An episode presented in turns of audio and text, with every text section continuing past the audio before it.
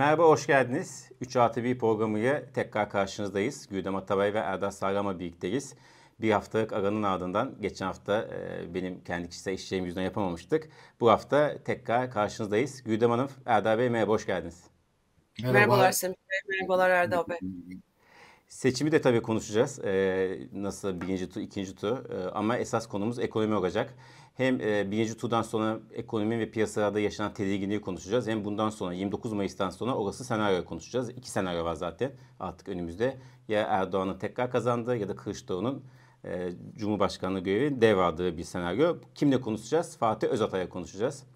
E, Fatih Bey merhaba, hoş geldiniz. Merhaba herkese. Merhaba. Merhabalar.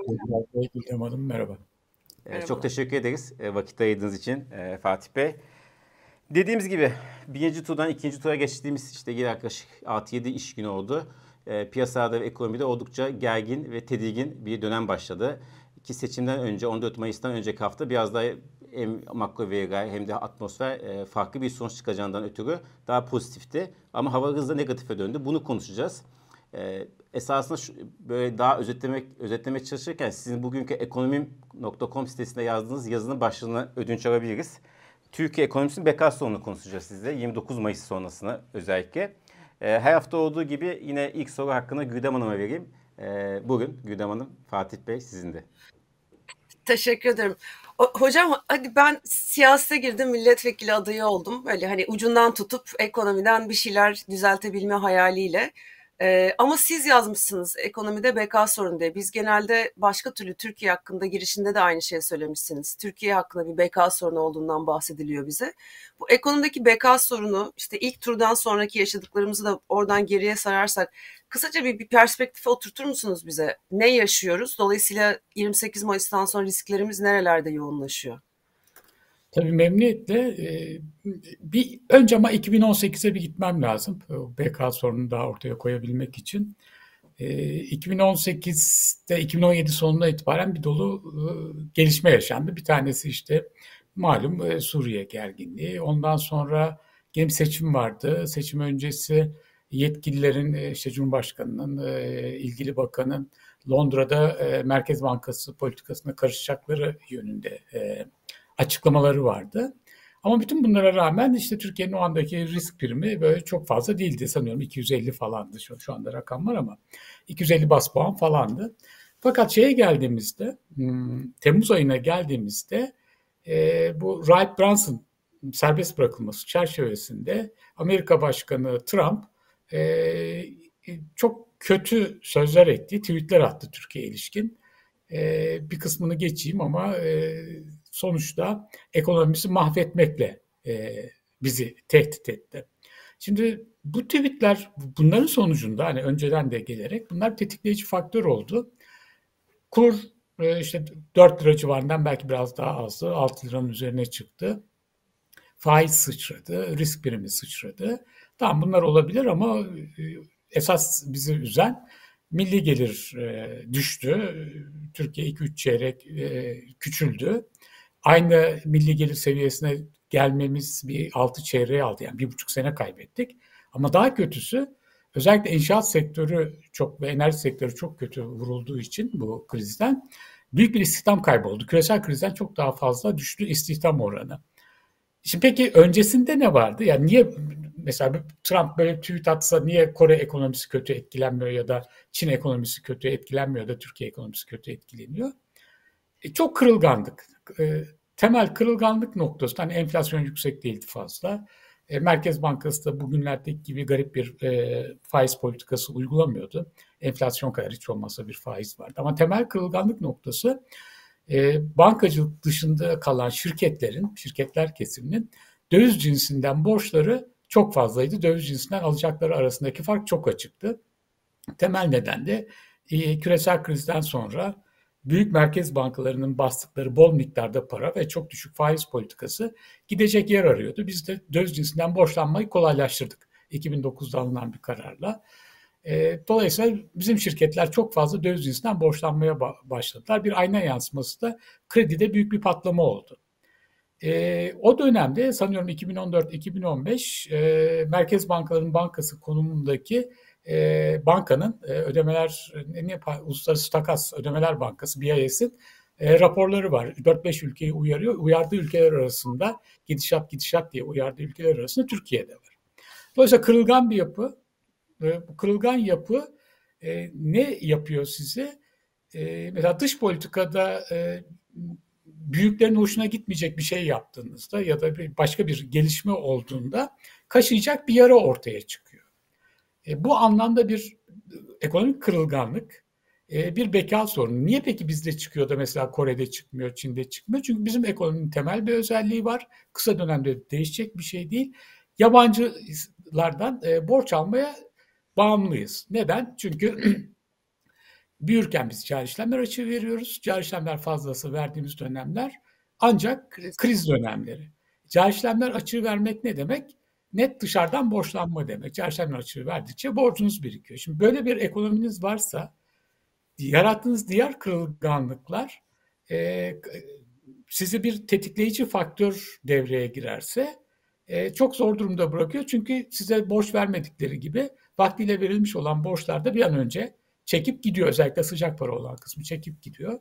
Döviz kuru fena sıçrıyor. O zaman da o kırılganlıklar döviz kurunun sıçramasıyla kırıl, kırılıyorsunuz. Aa kırıldık hale geliyorsunuz. Şimdi bu bir beka sorunu dolayısıyla önemli. Pek, e, biz başka beka sorunlarıyla uğraşırken temel bir beka sorununu da atlamış oluyoruz. Şimdi bu çerçevede dönüp baktığımızda yani o dönemle karşılaştırıldığında şu andaki Türkiye'yi işte e, olan biteni Şimdi o anda döviz rezervi sorunumuz diye bir sorun yok. Şimdi döviz rezervi kullanılabilir döviz rezervi çok düşük. Hani eksi işte swaplar hariç falan olana bakmayalım ama e, o dönemde karşılaştırdığınız zaman kullanılabilir kısmı neyse o e, sıfıra yakın öyle diyebiliriz. Bir öyle bir sorun var. İki o zaman politika faizine çok büyük bir sorun yoktu. Şimdi çok düşük bir politika faiz var. Dolayısıyla ihtiyacımız olan e, dış kaynak girişini, sermaye girişini engelleyen bir e, politika faiz var. Üç, son iki senede yapılanlarla zaten yabancı kalmamış. Yani yabancı girişi, döviz arzını engelleyen şeyler yapmışız. Dört, o zamanla karşılaştırıldığında kısa vadeli dış borcumuz daha fazla. Özel sektörün dolar olarak dış borcu daha fazla ve o zamanla karşılaştırıldığı zaman e, cari işlemler dengesinin finansmanında daha büyük sorunlar var. Yani açık var ama o açık daha büyük olabilirdi eğer biz e, yeni eski düşman, yeni dost ve eski dost hala dost olan ülkelerden e, ne tip anlaşmalarla olduğunu bilmediğimiz e, borç bulmasaydı. Şimdi bu böyle bakınca insan ürküyor. Yani 2018'de birkaç tweetle e, milli geliri düşen, e, 6 çeyrek e, sonra ancak eski milli gelir seviyesine dönen, bir buçuk seneyi kaybeden ve pandemiye kadar büyük bir istihdam düşüşü yaşayan bir ekonomi e, bu koşullarda işte son haftalarda yaşadıklarımızı biliyoruz, okuduklarımızı biliyoruz, dövize erişim meselesi vesaire. E, ürkütüyor insanı tabii. O yani temelde onu vurgulamaya çalıştım. Kırılgan bir ekonomi. Yani bir şeye açık dolayısıyla. Yani dış politikada ben dış politika uzmanı değilim ama işte o insan düşünüyor hani e, çok daha rahat e, oyunlar oynanabilir Türkiye üzerine eğer ekonomimizde bu kadar kırılganlıklar varsa. Yani e, oyunlar oynanmasa bile zaten bir süreç yaşanıyor anladığım kadarıyla Fatih Hocam. Bir de şeyi soracağım ben. Hep e, son dönemde diyoruz ki yabancı sermaye yok. O yüzden de e, piyasanın e, şeyi e, yönetimi terbiye etmesi söz konusu olamadı diye yabancı sermayenin bittiği bir noktadayız ve de geldiğimiz nokta var. Bu süreç hiç dokunmasak nereye kadar gider? Yani belli ki bir, bir, bir şey yaklaşıyor, cisim yaklaşıyor bize. Ee, o, o cisme ne kadarlık ya da buradaki gelişmeler ne olabilir?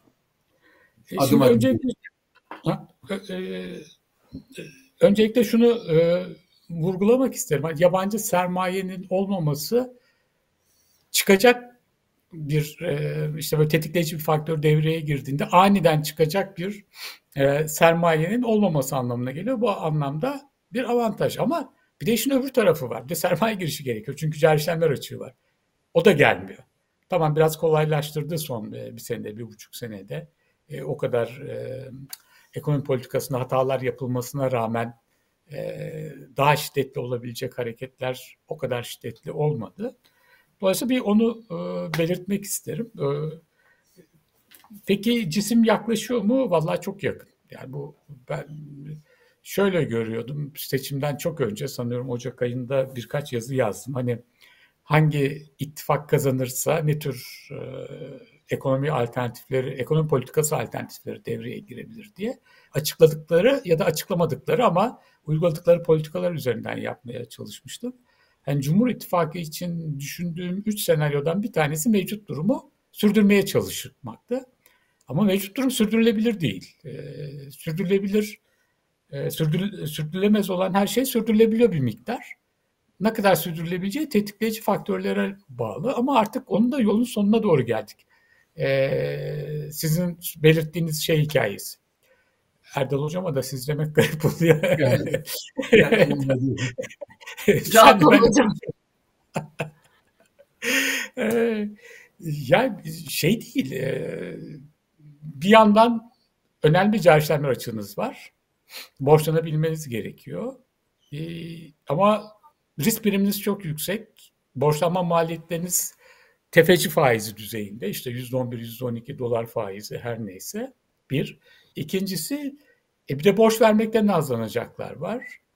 Ee, yani üçüncüsü demin dediğim gibi hani çevirmeniz gereken dış borç daha fazla 2018'e kıyasla açık pozisyon azımsanmayacak kadar falan. Ee, yani dengeler yerli yerinde değil. Para politikanız yerinde değil falan. Değişmesi lazım. Yani de, değişmeme ihtimalini ben düşünemiyorum. Şöyle ya da yani nasıl değişeceği önemli tabii. Ama değişmesi gerekiyor. Yani cisim çok yaklaşıyor. Peki tam da bu noktada şimdi cisim çok yaklaşıyor dediniz. Daha önce de yaklaşmıştı. Yani dedi, esasında söylediniz o gün koşulardan daha kötü koşulardayız ama işte e, A Bayrak Uysa e, ikilisinin işte ekonomi ve Merkez Bankası başında olduğu dönemde de e, ciddi bir sorun vardı. Panik vardı. Orada işte acil durum ekibini çağırdı. E, tabiri doğruysa. E, Lütfü Eyvan ve Naci Ağabey geldi. Kısmi bir düzelme yaşandı. E, bugün de e, seçim öncesinde özellikle ilk tur öncesinde işte Mehmet Şimşek ve e, o bakış açısındaki e, insan, o zihniyetteki bazı isimlerin ekonomiyi tekrar dümene geçeceğine dair haberler çıktı. Bu, ama tabii tam tersi çıktı. İşte Nevati ve e, Nurettin Canikki de oradan farklı açıklama yaptı. O da bir kafa karışıklığı ve daha netleşmemiş bir tablo var. Şayet Erdoğan seçilirse ve e, ekibi sizin işte biraz daha ne diyeyim ortodoks olmasa bile en azından bugünkü kadar anormal şeyler değil de biraz daha rasyonel bir politik uygulanırsa yumuşak bir şekilde geçme imkanımız var mı? Yoksa artık o noktaya geçtik mi? Ee, yani şöyle bir zorlukları var önlerinde. Hani şimdi ideal olarak böyle bir ekonomide nasıl tepki vermek diye düşünelim. Ondan sonra o soruyu cevaplamaya çalışayım. Hani bir işin istikrar kısmı var. Bütçeye ilişkin yapılacaklar, Merkez Bankası'na ilişkin yapılacaklar, bankaların bilançolarının testleri falan o kısım var. E, bir de işte e, demokrasiyle, işte hukuk sistemiyle, ne bileyim ben, arazi rantının vergilendirilmesiyle, e, kurumların bağımsızlaştırılmasıyla, daha liyakata dayalı atamalarla falan, yani yapısal kısmıyla yapılacak işler var. E, şimdi bunlar olursa Türkiye'de risk birimini çarpıcı biçimde düşürmek, faizleri düşürmek, e, enflasyonu düşürmek, kuru kontrol altında almak, ondan sonra da büyüme patikasına oturtmak mümkün. E şimdi bu çerçevenin nesi var? Hani ne olabilir? E, e, Erdoğan'ın seçimi kazanması sonucunda e, yapısal kısmında olmayacağı açık ya şimdiye kadar olmadı. Yani hukuk sistemi ya da işte Merkez Bankası'nın bağımsızlığı, TÜİK'in bağımsızlığı falan öyle bir şeyler bize söylenmedi. Biz gelirsek bunları yapacağız diye. Zaten yapılmadı, geri alındı. Merkez Bankası bağımsızlığı falan ortadan kaldırıldı. Demek ki yapısal kısmı olmayacak. O zaman dönüp şeye bakmak gerekiyor. Yani istikrar kısmında neler olacak? Ee, istikrar kısmında yani bütçede fazla bir sorunumuz yoktu ama hem seçim harcamaları nedeniyle hem de deprem harcamaları nedeniyle birkaç sene bütçemiz önemli miktarda açık verecek. Ancak işin yapısal kısmı olsaydı bütçe açığını e, o kadar dert etmeyebilirdi piyasalar. Dolayısıyla orada bir sorun var. İkincisi e, para politikasını rahat bırakmıyoruz. Faizi rahat bırakmıyoruz. Faiz politikasını. Merkez Bankası bağımsız değil. Tamam diyelim ki acil durum ekibi geldi. Dediler ki ya işte dış güçler bize oyun oynadı. E, dolayısıyla böyle bir ekonomimiz çıkmaza girdi. Bu oyunu ancak faizleri arttırarak e, bozacağız. Böyle bir ekibi getirdik. E, o zaman da bunun karşılaşacağı temel sorun e, güvenilirlik sorunu. Çünkü dediniz işte Naci Aval, Lütfü Elvan ekibi geldi. Kaç ay kaldılar? Dört ay. Dört ay. Yani şimdi şey olarak bakınca hani dışarıdan bakınca ya onlar dört ay kaldıysa şimdi yine dört ayda, üç ayda, beş ayda giderlerse ne değişecek beş ay sonra? Sonra aynı yere gelecek. Böyle bir açmaz var. Yani bu açmazı nasıl aşabilirler? Ee, herhalde çok kuvvetli açıklamalar yapmaları gerekiyor. Biraz yapısal kısmına girmeleri gerekiyor. Yani böyle bir çıkmaz var. Yani böyle olunca da yani sırf faiz artışıyla ne kadar arttıracak? Yani 8,5 15 yaptı 20'ye ne olacak yani? Hani biraz yatıştıracak mı? Ben sanmıyorum. Ben çok e, çok e, ya bir sadece faiz politikası birkaç atamayla olacak iş değil bu. E, bayağı kapsamlı bir değişiklik gerekiyor. Yani TÜİK bir dolu endeks çıktı değil mi? Biz eskiden sadece TÜİK'in endekslerine bakıyorduk falan şimdi.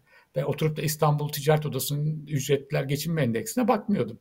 Zaten şey yoktu, öbürü enak yoktu falan. Şimdi bayağı bir sorun var yani kendi kendimize yarattığımız. Hani durup insan düşünüyor ya biz 2021 elinde itibaren ne yaptık bütün bunları? Ya yapmasaydık o e, enflasyon %19 iken onu beğenmiyorduk tamam mı? Faiz de %19 falandı. E, ne yaptık yani? Ne oldu? Niye bunları yaptık falan anlaşılır gibi değil. E, şey çok kötü. Bankaların üzerindeki baskı çok kötü. Piyasaların üzerindeki çok baskı çok kötü. Sanki bana şey geliyor. Üçüncü alternatif daha olabilir gibi geliyor. Orada da çok fikrim yok. Yani daha fazla kontrol ekonomisi. Daha kapatma. Hani 70'lerde e, Erdal Hocam da biliyor. E, bizler yaşadık. E, ne bileyim ben. Sanayi Bakanlığı mıydı Erdal? Ticaret Bakanlığı mıydı? Bir fiyat kontrol komitesi, tespit komitesi mi vardı? Fiyat değiştirmek için oradan izin almaları gerekirdi. Çıkmazdı izin. O zaman mal ortadan kalkardı. Kuyruklar olurdu falan. Gerçi Amerikan ambargosu vardı. Kıbrıs çıkarması vardı falan. Ama yani şimdi bayağı bir sorun var. Yani hem 70'lerden kesitler var. Hem de 2018'den falan. 2001'den, 2018'den her şey iç içe girmiş vaziyette. Dolayısıyla daha eğer iyi düşünerek planlı bir şekilde e, daha kapatmaya, daha kontrollü bir ekonomiye geçerlerse ki orada benim hiç tecrübem yok, söyleyeceğim bir şey yok. Öyle bir kadro var mı onu da bilmiyorum. E, daha yapılabilir bir şey gibi geliyor. Öbürü çünkü 3 ayda kesilmeyeceğine ikna etmeniz gerekiyor. Büyük bir ikna sorunu var. Diyelim. Ne yazık ki böyle. Hocam bilmediğim yer dediniz. Bizler de bilemiyoruz. Ee, ama hani bir taraftan e, işte Cumhurbaşkanı Erdoğan çıkıyor CNN International'da diyor ki ben düşük faiz politikasına devam edeceğim. Şimdi biliyoruz ki hani 8,5 5,5 yapsın 3,5 yapsın faizler zaten yükseldi. E, dolayısıyla aslında bahsettiği en azından ben öyle anlıyorum. Lütfen yanlışsam düzeltin. Bu baskılama politikalarına devam edeceğiz e, demeye getiriyor. Demek ki yani bizim e, belki de hala çok iyimser olarak e, beklediğimiz nasıl yabancı yatırım gelecek bu saatten sonra nasıl bu yapısal reformlar yapılmayacak sadece faiz arttırarak olmayacak dan başka bir kalıpta düşünmemiz gerekecek. O zaman e, böyle bir açık ekonomi halen çünkü dış dünyaya açık işte ihracat var, turizm var, sınır ticareti var. Bir taraftan finansal piyasalar kontrol altında tutulmaya çalışılacak. Hani bu yoldan geri dönülmeyecek. İşte eğer ikinci turu da kazanırsa mecliste bir çoğunluk var. Bir de cumhurbaşkanlığı olacak. O zaman bu zorlama ile mevcut dediğiniz beka sorununun açıkladığınız az önce o kırılganlıklar eşliğinde biz neler yaşıyor olabiliriz? Yani kapalı bir ekonomiye nasıl dönülecek bilmiyoruz. Bir vaat de yok çünkü sadece düşük faiz politikası devam edecek.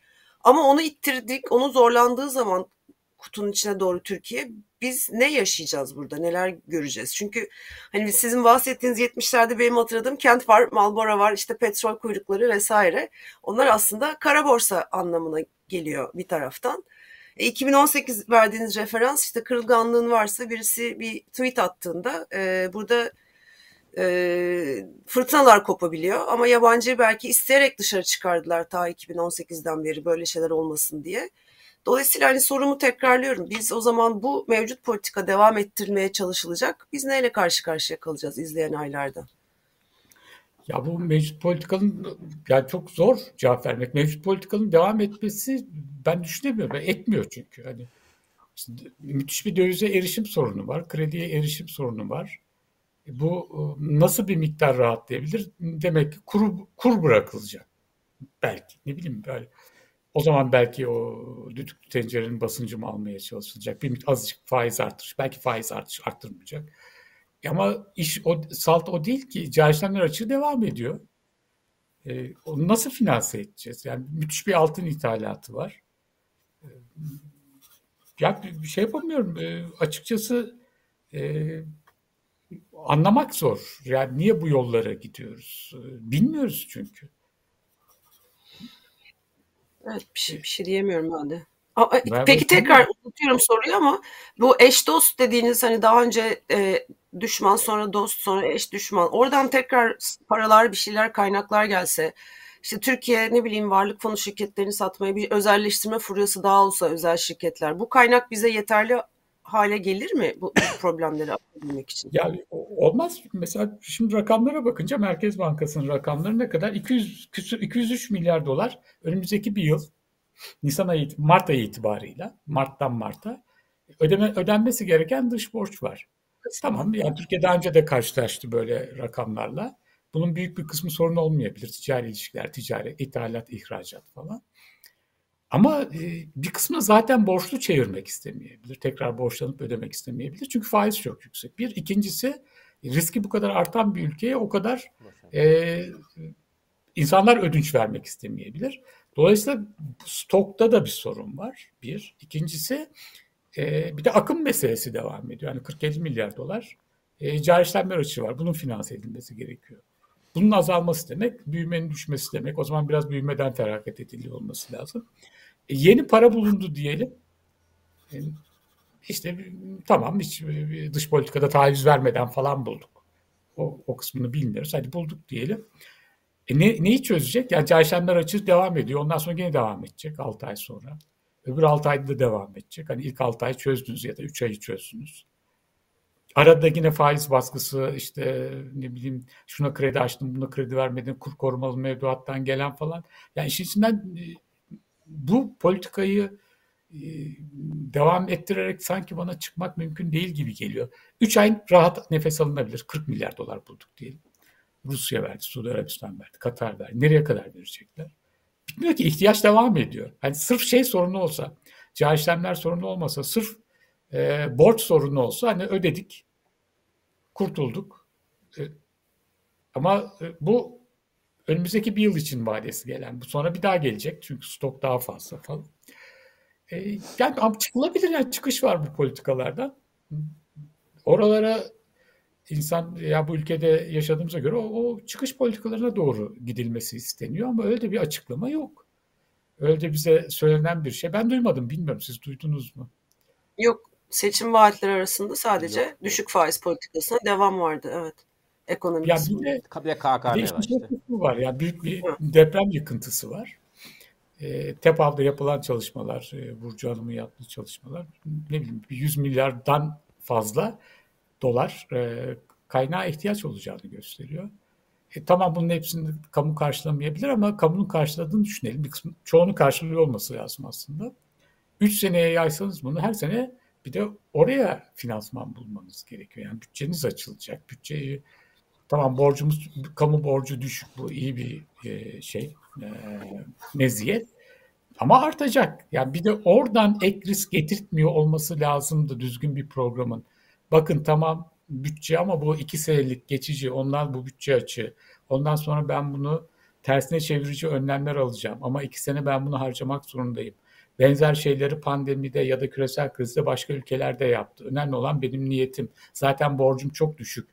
İşte şu reformları yapıyorum, şu önlemleri aldım. Dolayısıyla görüyorsunuz ekonomi iyi yolda. Bu maliye politikasında da mecburen iki senelik bir böyle bozukluk olacak diyerek anlatabilirdik biz risk primini düşmesini istediğimiz ölçüde düşmemesi düşmesini sağlayabilirdik e, veya düşmemesini engelleyebilirdik. E şimdi onları da diyemeyeceğiz yani. Diye. O zaman bir, bir de o göze girecek. Ya senin bütçe açın yüksek. Ya tamam bütçe açım yüksek de neden yüksek bir de bana sor diyemeyeceğiz. Hani falan işte bir de bir de böyle bir gariplik var. Yani kendi kendimizi sıkıştırıyoruz. İnsan buna üzülüyor.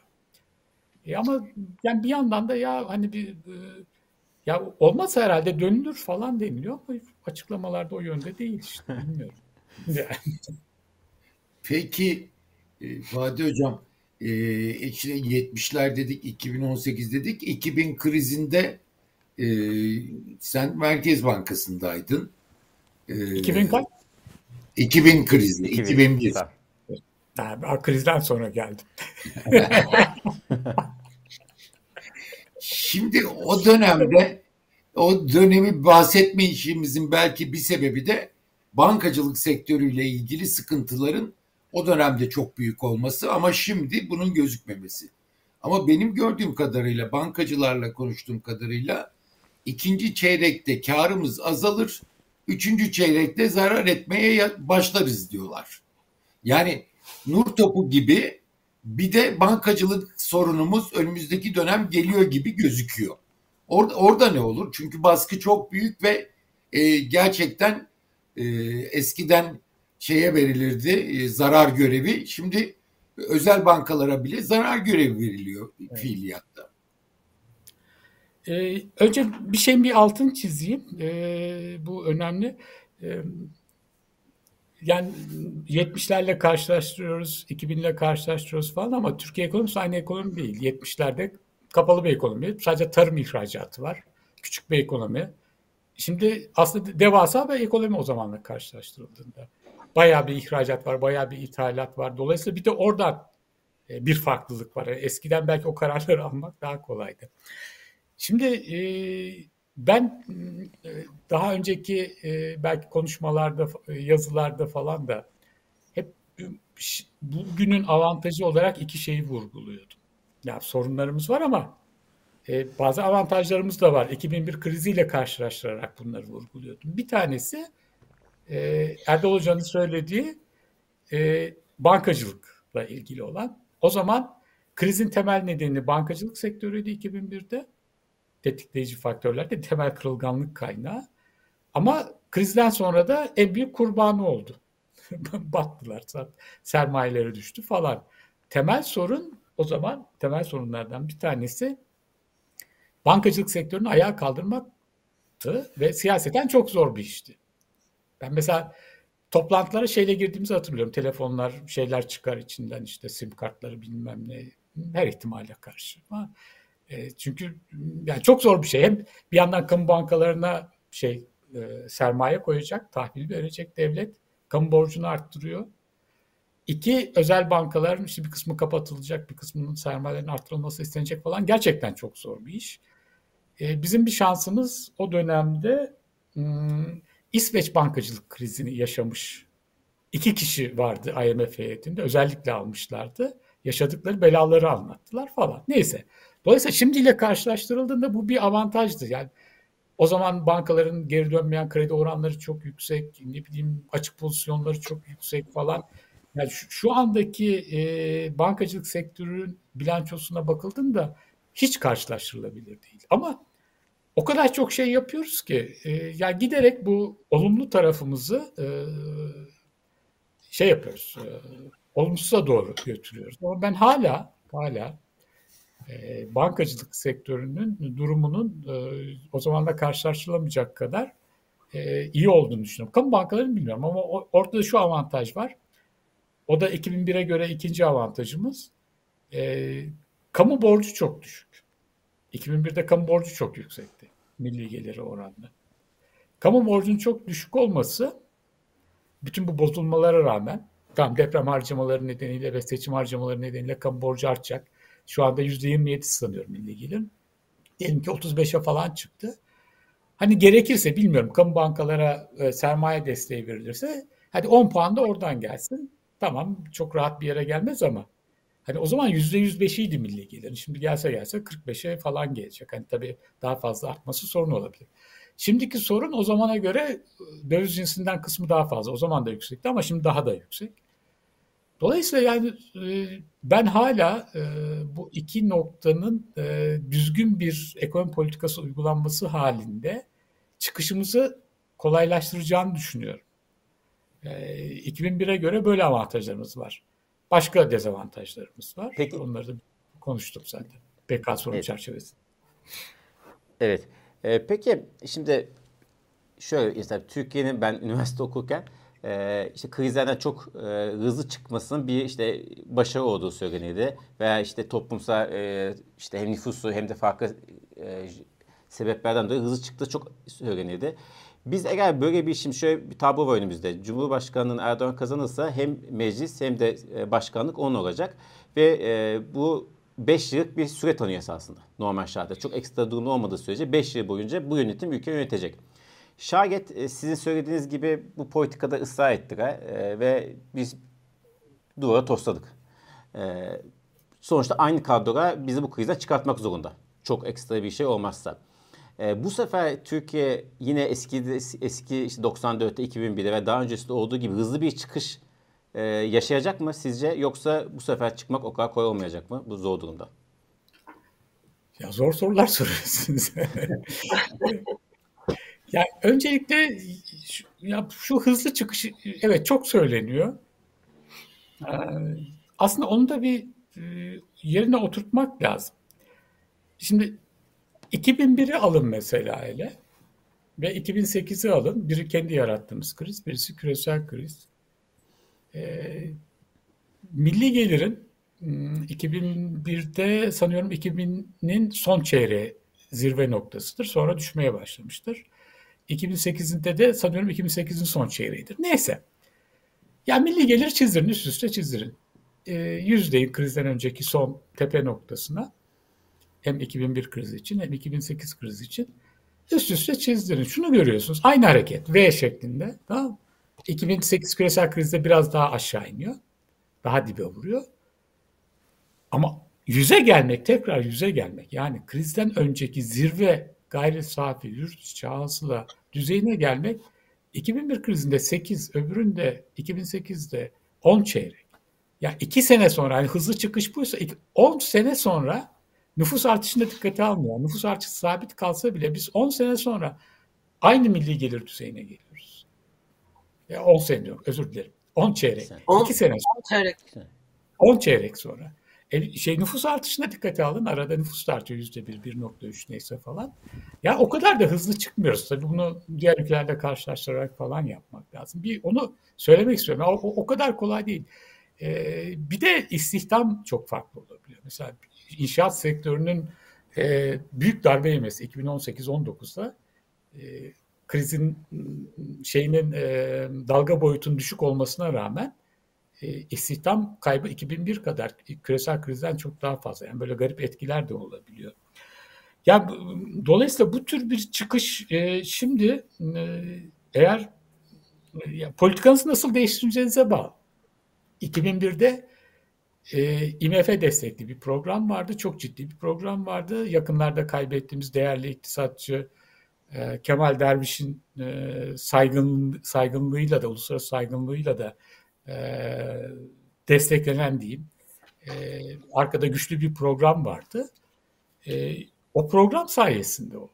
Yani sonuçta o program ilk başta tartışıldı, edildi falan ama en de sonunda o programın e, dedi, denil, ne deniliyorsa onlar yapıldı. Yani çok zor işler yapıldı ama yapıldı. E, 2008-2009'da nasıl çıktık? Bütün dünyada vardı. Bütün dünya faiz indirdi. Biz de faiz indirebildik. Bir. İkincisi e, borcumuz çok düşüktü. Kamu borcu çok düşüktü. 2001'in tam tersi olarak. E, maliye politikası gevşetici bir şekilde uygulayabildik. Kamu harcamalarını arttırabildik falan. İzin veriyordu yani. Mali alanımız vardı. E bir de herkesin faiz düşürüyor olması falan. Yine biz ama 10 çeyrekte çıkabildik. Aynı noktaya 10 çeyrekte gelebildik. Şimdi etrafta böyle bir şey yok.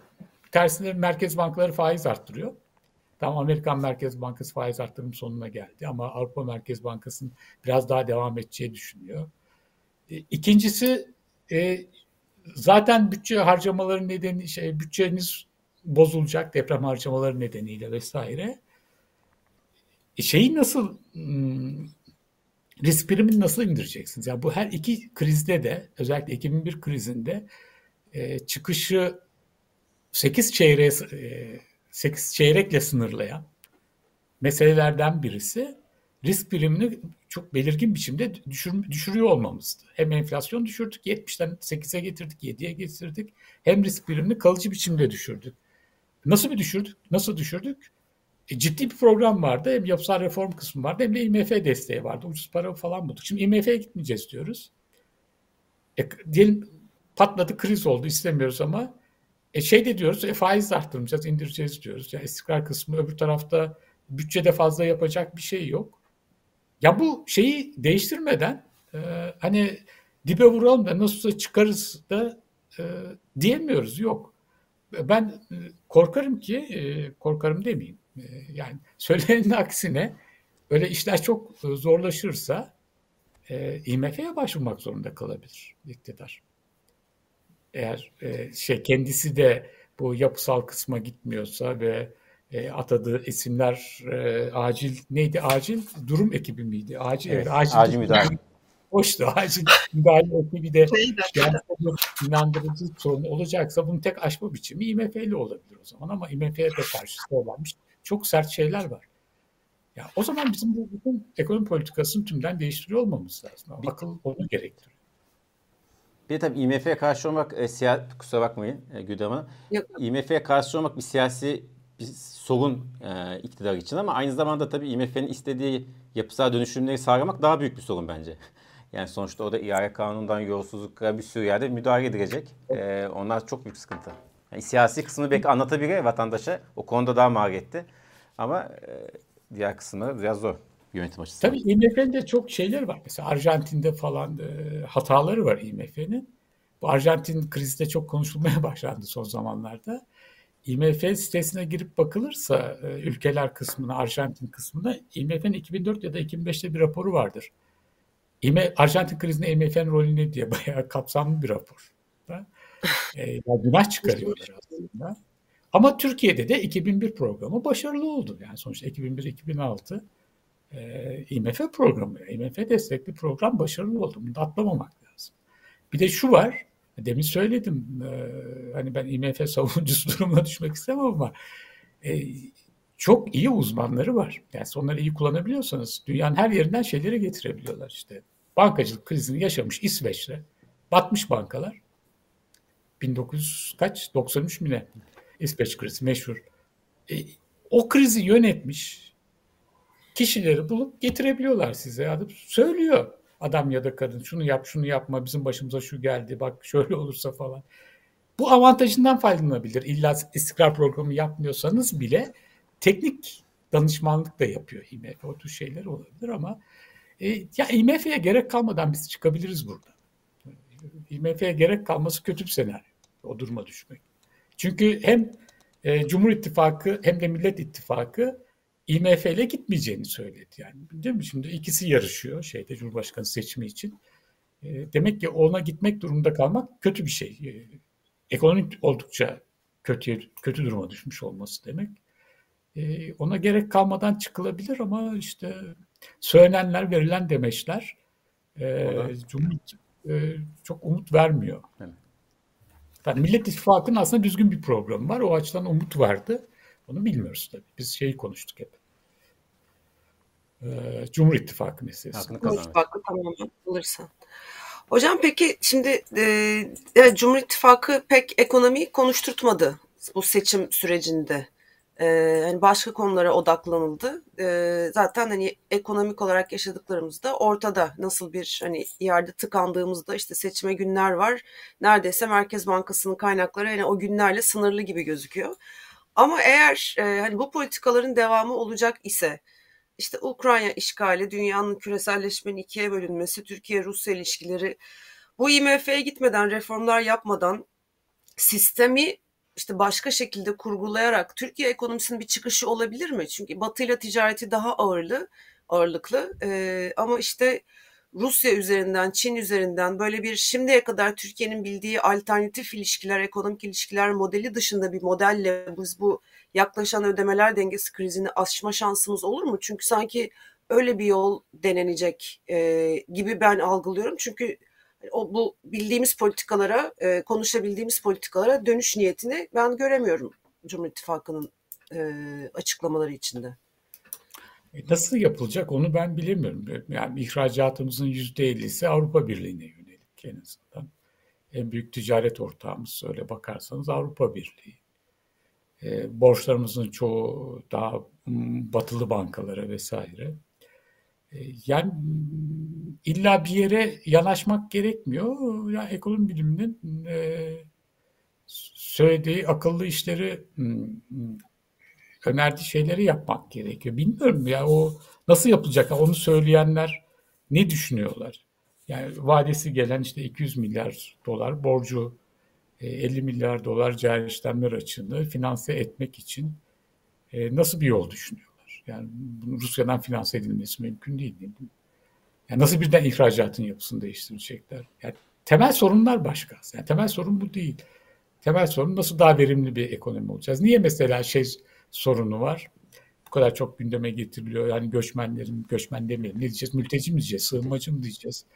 Ya bugün bir e, Erdal Hoca'nın da bildiği bir e, şeye e, bir lokantaya gittik. Hemen hemen hepsi şeydi Özbek'ti şeyler. E, komilerin. Bir de garson terfi etmiş bir tanesi falan. Gayet de Türkçeleri iyileşmiş falan. Ya da işte bahçeye bakıma falan geliyorlar bir yere bakıyorsunuz hep yabancılar falan. Yani bu ne yapıyor? Onlara çünkü düşük ücret veriliyor. Dışişleri Bakanı'nda demeci var değil mi? İşte çoban bulamaz babam falan diyor. Ama bu o, bir ülke için istenilen bir şey değil ki. Ancak demek ki düşük ücretlerle sizin bazı sektörleriniz ayakta kalabiliyor. Demek ki verimsizler. E, yani temel oradaki sorun verimlilik sorunu. Geçen Daran Hocamoğlu'nun bir şey vardı, açıklaması vardı çalışmaları da var Murat Üçer'le yaptıkları. Yani son 10 yıldır falan Türkiye'de verimlilik artışı yok. Yani başlı başına bir temel sorun. İstiyorsanız partneriniz, ana partneriniz Çin olsun. Ee, Rusya, Çin bilmem ne eksen olsun. İstiyorsanız Avrupa olsun. istiyorsanız Amerika olsun. Verimli ekonomi olmak zorundasınız. O verimli ekonomi olma koşulu değişmiyor. Bu da hani verimli ol, olunacak askeri komutla olmuyor. Hani e, biz e, yani verimsiz şey e, şirketlerin, firmalarında yaşaması için elimizden geleni yapıyoruz. Bu da bir garabet. Yani dolayısıyla temel sorunlar başka sorunlar. Yani şimdi liyakat sorununu nasıl aşacaksınız hani şeye yanaşarak? Ekseni değiştirerek. Eksen değişince liyakat sorunu ortadan kalkmıyor falan gibi. Ya da yani liyakat sorunu olduğunu sorunu... düşünüyor olmak lazım kaldırmak için tabii. ya da Bizim 15 yaş yukarısı nüfus orta 2'den terk. 8 yıl ortalama eğitimi. Bu şey nicelik. E, bir de nitelik var. E, PISA test son, sınavlarına giriyorsunuz. E, 40. 45. Meksika ile falan birlikte. Bunlar değişmiyor. Yani temel sorunlar bunlar. Bunları nasıl değiştireceğiz? Yani bunları değiştireceksek gidelim. E, eksen değişsin falan. Yani demokrasi olsun ama eksen ama ya olmuyor ki eksen değişecek. Ki o, o, o açıdan hiç umut vermiyor orası eğitim kısmında. Hani Rusya'nın eğitim düzeyi yüksek, Çin'in yüksek falan ama hani diğer alanlarda hukuk sistemi vesaire, demokrasi, özgürlükler.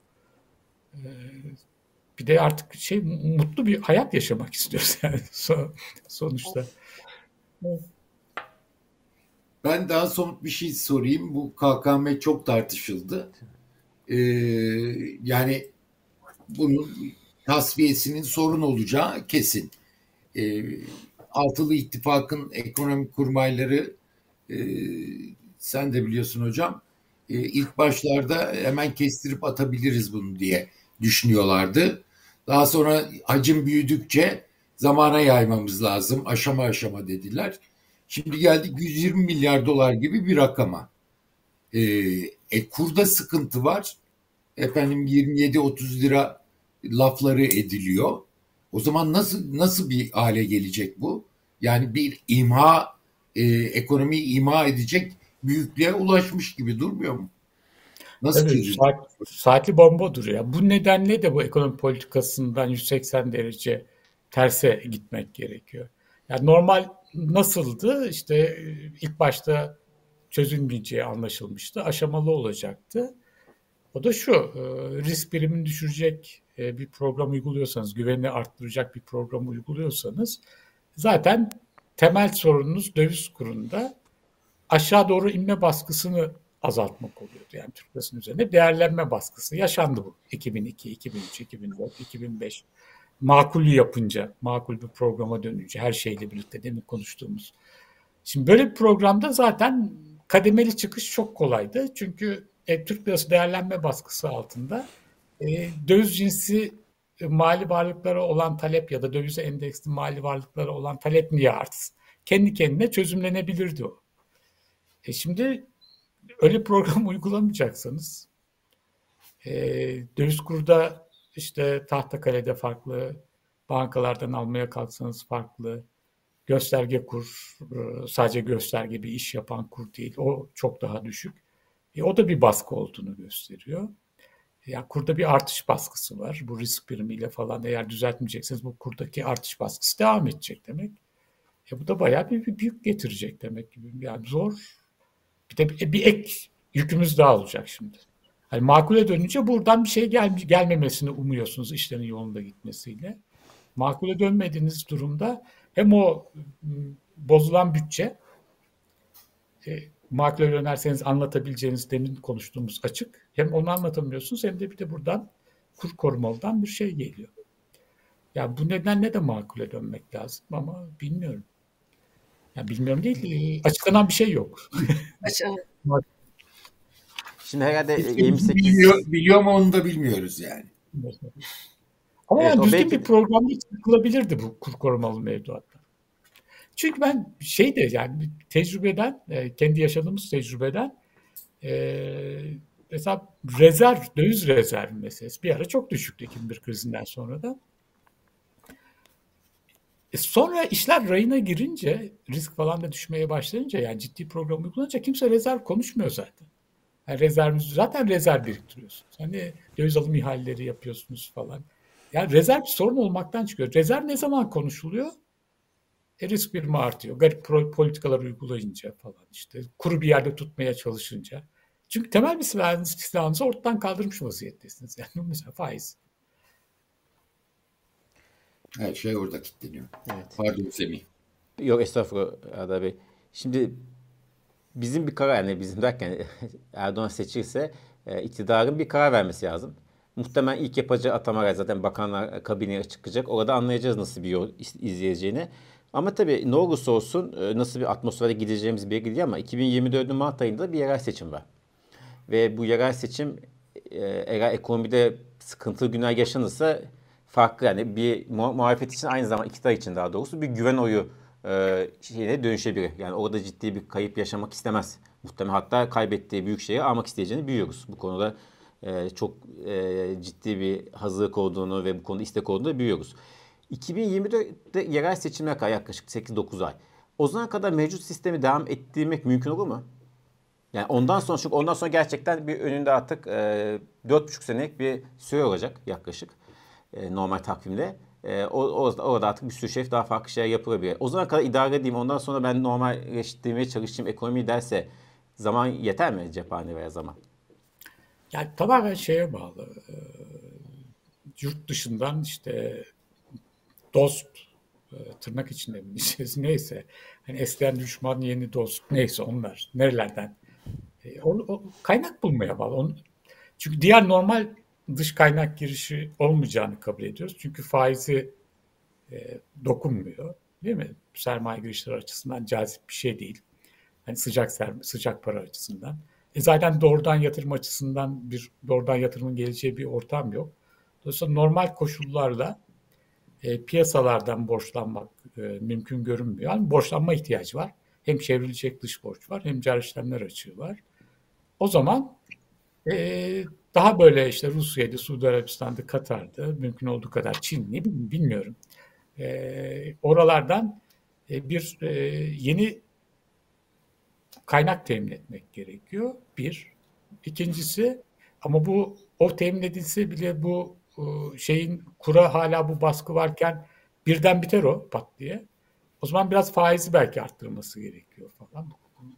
Kurdaki baskıyı biraz azaltmaya çalışması gerekiyor. Yani geriye kalan da falcılığa giriyor. Bütün bunları yaptı diyelim. İşte acil müdahale ekibini de getirdi. Ee, tamam çok credible olmadı falan ama olsun yine var. Onlar demeçler veriyorlar. Yok artık vallahi billahi. İşte biz e, işte neyse ne diyeceklerse onlar artık iletişim uzmanları der onu. Diyorlar falan. E, gidebilir bilmiyorum ki. Yani şeye de bağlı. Dış koşullara falan da bağlı. Yani dışarıda da kötüleşme olmuyor. Amerika'da faiz artışını falan durduruyor.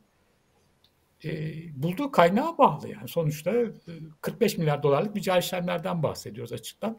Hadi onu da düşürdü diyelim şey açısından büyümeye biraz fren evet. koydu, kredilere fren koydu falan. 30'a indirdi. Altın ithalatını falan bir yolla biraz faiz arttırarak işte mev, kamu şey de arttı. Mevduat faizleri falan da arttı. Altına gitmek için biraz neden falan da azaldı. Hani ihtiyacı 30'a indirdi diyelim cari işlemlerden gelen. Ama dış borç çevirmeden, eksik çevirmeden gelecek bir miktar var. Yine herhalde bir 40-50 milyar dolarlık kaynak bulmak gerekiyor. E, 9 ayın hani bu 12 ay için gerekiyor. 9 ay için yine bunu indirin. E, bunu bulabiliyorsa e, çok fazla bir olumsuz yaşa yani edebilir. Evet. Böyle çok kaba bir hesapla. Evet. Güdem Hanım Erdal Bey şimdi sonuna yaklaştık. Ee, sizin tabii ki sorunuza müdahale etme gibi bir niyetim yok ama bir de hep e, Erdoğan kazanırsa senaryosunu konuştuk. İstiyorsanız son soruda e, Kemal Kılıçdaroğlu kazanırsa üzerinden gidelim biraz da. Çünkü sonuçta bir seçim var ve yani e, sonuç daha belli Öyle yani çok da şey yapmıyorum. E, Kötü bir mev- olmayalım diyorsun. Evet evet yani sanki son, bitmiş de e, 29-30 Mayıs'ta yapıyor, yapıyormuşuz gibi olmasın program. E, o yüzden e, öyle soru sorarsanız memnun olurum. Tabii sizin tercihiniz. Tabii tabii tabii. Yani orada tabii Millet İttifakı'nın ekonomi programı çok net ve ortada ve çok tartışıldığı için aslında hani onu konuşmak kolay. Öbür tarafı bir muamma. Özellikle 14 Mayıs sonrası e, o muammanın içinde nasıl ilerleyeceğiz onu belki düşünme jimnastiği yapmak daha cazip geliyor şu anda ama evet e, Kemal Bey kazandı. Meclis çoğunluğu kendinde değil e, kararnamelerle yürütüyor. Gerekli atamaları yaptı. E, biz sadece istikrardan mı bahsediyor olabileceğiz sizin altını çizdiğiniz gibi yoksa işin değişim kısmına öyle bir şekilde öyle bir e, denge içinde girmek de mümkün olur mu? Ya da e, ekonomide istikrar sağlayınca e, bazı yapısal değişimler için kendi kendine yol açılmış olabilir mi? Öyle bir şey varsayabilir miyiz? Ben, yani bence o açıkladıkları programı o, o, her tarafını devşim kısmı dahil uygulamaya çalışmaları lazım. Çünkü bayağı birikmiş sorun var ekonomide. O sorunları ters yüz edebilmek ancak öyle mümkün. E, yapabilirler mi? Hani meclis e, ayrı bir tarafta. Hani bu anayasa hukukçularıyla falan soruyorum ben arkadaşlara birkaç gündür. Yani mesela diyelim ki neyi bloke edebilir? E,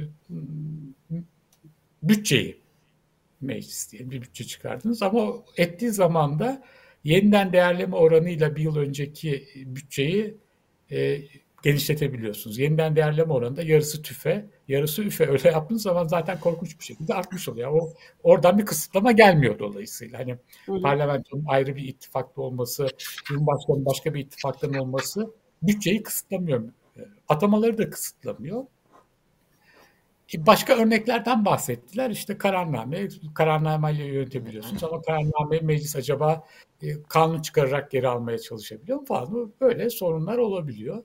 Ama atama artı işte şeyler e, bu bütçeniz falan varsa da e, o işlerin çoğunu yapabilirsiniz gibi geliyor. Yani TÜİK'in şeylerine, verilerine güvenilirliği kılmak için yani meclisin sizde olması gerekmiyor gerekli açıklamalarınızı yaparsınız. Ee, eski veriler e, ne kadar doğruydu değildi onları yayınlarsınız falan. Ya da Merkez Bankası'nın bağımsız yapılması için bir şey çok fazla bir şey gerekmiyor. Onu söylersiniz. E, uygulamanızda onu gösterirsiniz. Merkez Bankası yaptığı açıklamalarla onu gösterir falan. Yani e, bir bir kısmı yapılabilir gibi geliyor. E, ya o, o program güzel bir program. E, sonuçta e, keşke iktidara kim gelecek olursa olsun e, öyle bir e, yap, ekonomik program uygulasa artı diğer yapısal kısmı da uygulasa. Ya biz bu sorunları aşarız. Çünkü dediğim gibi bir iki avantajımız var. O avantajı kullanarak rahat aşabiliriz. E, uygulanabilir gibi geliyor meclis öbür tarafta olmasına rağmen. Peki 3 e, ay içerisinde istikrarı sağlayıp e, bu dış kaynak akışı e, Kemal Kılıçdaroğlu ve ekibi kazandığı takdirde mümkün olur mu yani? O zaman ne kadar sürede bu iş hallolabilir sizce? Hemen gelir. Zaten seçimden önce yabancılar gelmeye başlamıştı. Ee, eskiden görmediğimiz yabancılar yine boy göstermeye başladı. İşte toplantılar falan yapıp görüş falan da soruyorlar. Yani şeyi unutmayalım. En civcivli zamanında öyle demek doğru ne kadar doğru. E, Türkiye'deki Türkiye'de tahvil tutan e, ve hisse senedi tutan e, yabancıların tuttukları değerleri toplarsanız sanıyorum 170 milyar dolar falan da 2017'dir böyle bir şeydir. Şimdi 20 milyar dolar falan. Yani tamam o bir stok rakamı ama arada 150 milyar dolar fark var. Yani bunun e, hemen hepsi birden foş diye akmaz ama e, Türkiye çok büyük bir ekonomi. E, dolayısıyla böyle büyük bir ekonomi dışarıda da bir olumsuzluk yoksa dış piyasalarda bir bankacılık sektörü krizi falan çıkmıyorsa düzgün bir politika uygulaması halinde e, bunun uygulanabileceğini, uygulandığını gösterirseniz kısa zamanda e, her tarafından para fışkırmaya başlayabilir. İlk başta şey olabilir bu, kısa vadeli olabilir çok istenilmeyen şekilde ama o gerekiyor. O temel sorunuz da şey olur yani 3 aydan önce de olabilir bu. Temel sorun da e, kuru olacak aşağı doğru baskı olur. O zaman Merkez Bankası döviz rezervlerini arttırır, toplar. Ondan sonra işler biraz daha rayına giriyorsa bu sıcak para doğrudan yatırıma daha uzun vadeliye dönüşür falan. Zaten şeyde düşünülen anladığım kadarıyla böyle bir çerçeveydi. Kimse ilk başta daha ilk birinci günden hemen e, doğrudan yatırım girecek falan diye beklemiyordu. Ama bu size zaman kazandırır. E, biraz da şans gerekir. Şans ne anlamda? Şans işte uluslararası piyasalar bozulmayacak. E, bankacılık sektörü krizi çıkacak falan filan. E, ama sanki oralarda da bu ihtimal giderek azalıyor gibi. Yani dolayısıyla bu şeyin e, Cumhur Millet İttifakı'nın açıkladığı ekonomi programının e, uygulanması halinde e, bayağı Türkiye'nin e, çok çabuk e, toparlanması şansı var. Yani bu sorunlar geride kalabilir. Bireysel olarak baktığımızda da ödenecek fatura tek tek bireylere düşen fatura azalacak yani. Tabii. Ne kadar kısa sürede çıkabilirsek. Tabii. Üstelik de şey de biliyoruz yani o mesela bazen acı reçete deniyor. Böyle bir program söyleyince acı reçete, acı reçete. Yani yerel seçimler yaklaşıyor. Acı reçete uygulanabilir mi? Ben bunu şiddetle karşı çıkıyorum. Karşı çıkma nedenim de şu. Enflasyon yüksek ülkelerde, risk birim yüksek ülkelerde yapılan çalışmalar ki bunlar daha 1990'larda falan düzgün bir program uygulanması halinde yani güveni sağlayıcı bir program uygulanması halinde risk primini düşürebilirse büyüme dostu olduğunu gösteriyor. Niye? E, çünkü siz e, risk birim düşürdüğünüz zaman reel borçlanma faizlerini düşürüyorsunuz, planlama ufkunu genişletiyorsunuz, insanlar önünü önünü görebiliyor, daha yatırım yapılabilir bir ortam oluyor falan. Kamu maliyesini sıksanız bile öbür taraftan özel sektör yatırımları, tüketim falan artıyor. Büyüme dostu oluyor. Temel neden bu. Riski düşürmek temel. Mesela 700 bas puanı e, bir sene içinde 200 bas puanı düşürebiliyorsanız ki 200 bile yüksek. E, bayağı bir yol kat etmiş oluyorsunuz. Kaldı ki bu deprem harcamaları nedeniyle ve düşük kamu borcu nedeniyle maliye politikasını da hemen birinci senede sıkmanız gerekmiyor. Ama öncelikleri değiştirmeniz gerekiyor falan. Yani böyle iyi bir tasarımla aslında çıkış mümkün. E, çünkü dediğim gibi ya bu kamu bankacılık sektörünün hala sağlam olması ve kamu borcunun düşük düzeyde olması iki büyük avantaj. Onlar da olmasaydı çok fetrefilli olurdu iş. Evet. Ee, anladığım kadarıyla e, buyurun Güdem Hanım. Yok iş kendi kendime sesli düşünüm isterseniz. İş niyette bitiyor. evet ben ben ona benzer bir şey söyleyecektim. Hem çok mümkün hem de çok zor gözüküyor bu söyledikleriniz. Öyle ee, doğru. Çok teşekkür ederiz Fatih Bey. Başka sorunuz var mı Erdal, Erdal Bey Güdem Hanım? Yok sağ olsunlar. Ee, Teşekkürler. Seçim geçtikten sonra e, hemen olmasa bile e, çok uzun olmayan bir sürede belki netleş, tabu netleşince evet. gerçekten çıkışın ne olacağını evet. konuşuruz. Çünkü o zaman belirsizlik ortadan kalkmış olacak. En azından siyasi belirsizlikler diyelim. Ee, daha e, ayakları yere basan daha somut bir şekilde önerileri duymuş olacağız kim kazanırsa. Onları değerlendireceğiz inşallah sizinle başka bir yayında. Çok teşekkür ederiz Fatih Bey vakit ayırdığınız için. Ben de teşekkür ederim davet için. Güzel sorular. Sağ olun. Çok teşekkürler hocam. İzleyenlere çok teşekkür ederim. Herkesi pazar günü oy vermeye davet ederim. İyi akşamlar. Görüşmek üzere. İyi akşamlar. İyi akşamlar.